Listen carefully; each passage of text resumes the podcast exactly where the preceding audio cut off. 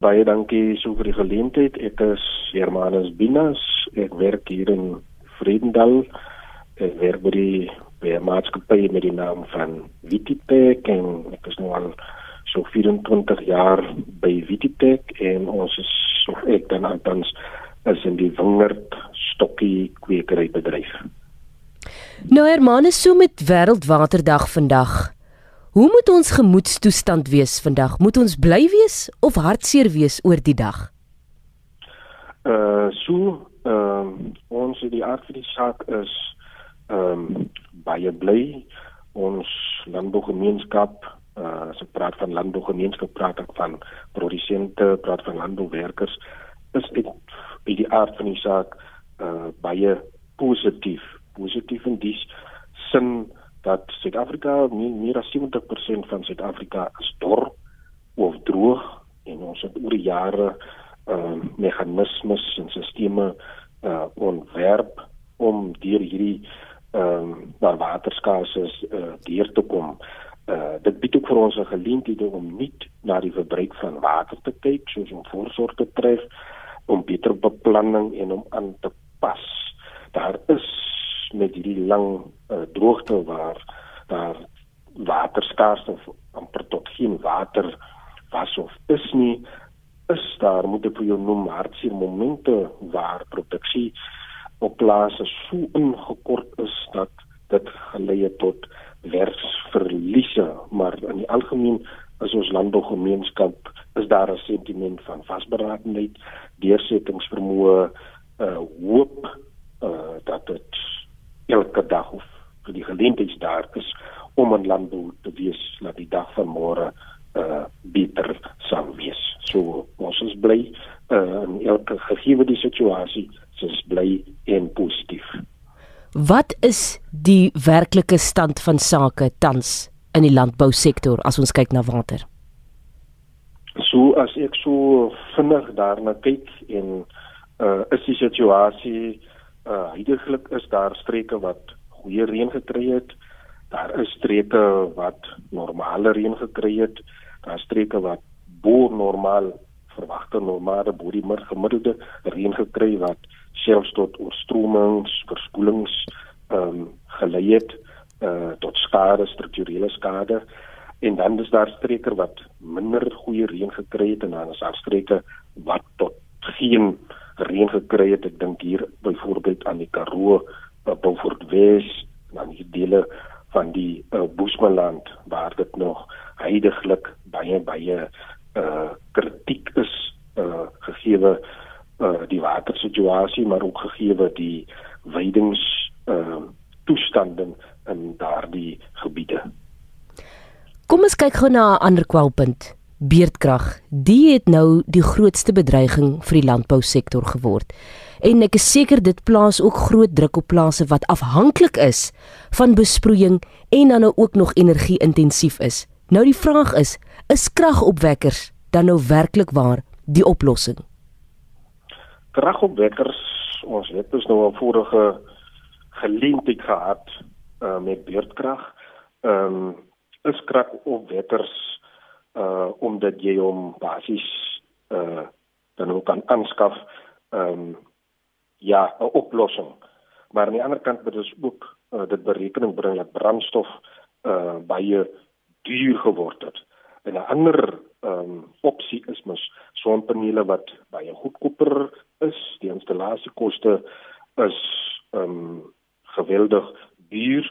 Ehm um, die voordeel daarvan is dat jy tot 50 tot 75% kan bespaar op jou elektriese rekening en daardie koste of geld wat jy bespaar kan jy mos nou weer gebruik weer om jou ehm um, sonpanele ehm um, die herstelkoste en die nagaankoste daarvan. So sonpanele ehm um, is ook 'n ander opsie in 'n bietjie plase is daar baie plase wat alreeds oorgeskakel het uh na sonpanele en dit ook deels uh, gebruik maak op 'n daaglikse basis om ook so uh, besparing uh, mee te bring. Hmm.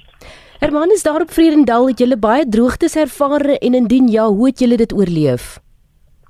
Uh so ons so vir my lewe het ek al baie droogtes geoorleef uh of geërvaar uh meegeleef.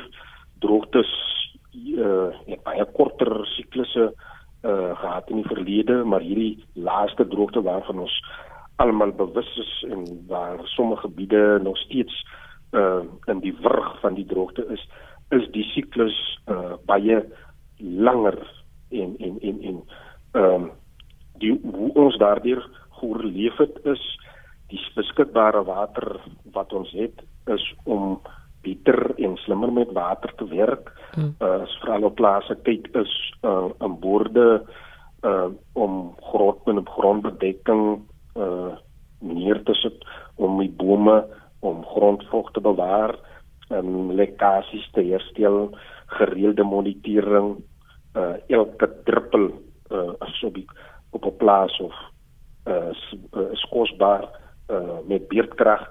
Uh het ons vir 'n tyd nie maar ons weet daar is krag beskikbaar maar as water verlore is of daar nie water is kan jy dit sommer vervang nie. Sommige streke weet in sommige streke het hulle hulle la produksie borde uitgehaal of net die kraan gewoonlik toegedraai en daardie water wat gesou geskeduleer wees vir daai betrokke bord is dan geskuif of geskeduleer na borde wat uh, hoë opbrengste lewer om dit daar te belê. So ja, en dat is nou vir 'n vierbeddings vir kyk om dit skoon te maak uh vir al jou indringerplante plante wat baie water uh gebruik sorglik jou damme nie lek nie.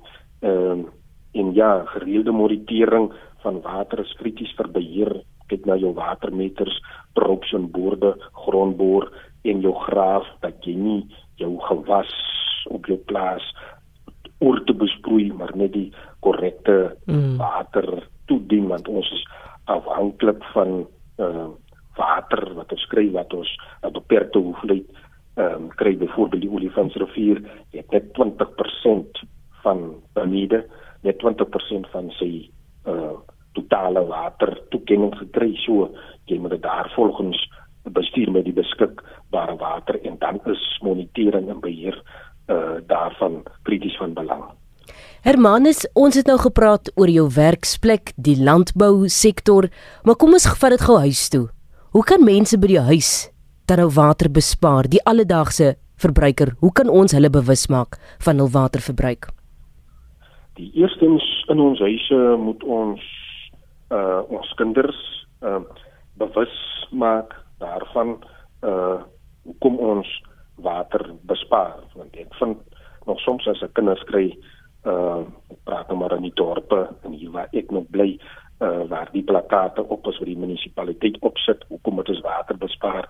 Uh soms uh negatief uh daarom die redenasie is jy of ek dan met hulle begin 'n gesprek voorkom ek agter dat hulle nie weet hoekom en waarom nie so by die huis moet ek ook ehm um, kyk na lekkasies, krane wat lek, ehm um, uh, werk my geyser ehm um, reg ehm uh, en daai beheermaatreëls wat ek uh, in my werk toepas, moet ek in my huis ook toepas. Dan omdat ons kinders die toekoms van môre is, uh, kan ons dit by die skole in of ander manier in die kurrikulums inwerk en dit is deel van opvoeding maar om by skole ook ons kinders uh, in te lig oor die uh, verantwoordelike verbruik van water uh sodat hulle ook bewus kan uh, word en sodat ook uh, dit ook uiteinde van die dag ook 'n uh, lewenstyl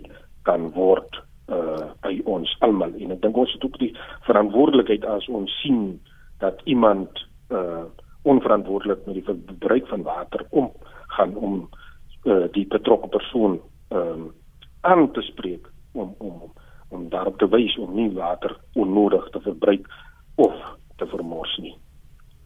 En ek sê vir jou dankie vir die bewusmaking wat jy skep, Hermanus, so op Wêreld Waterdag. Dankie vir jou tyd. Baie dankie so, baie dankie vir die geleentheid.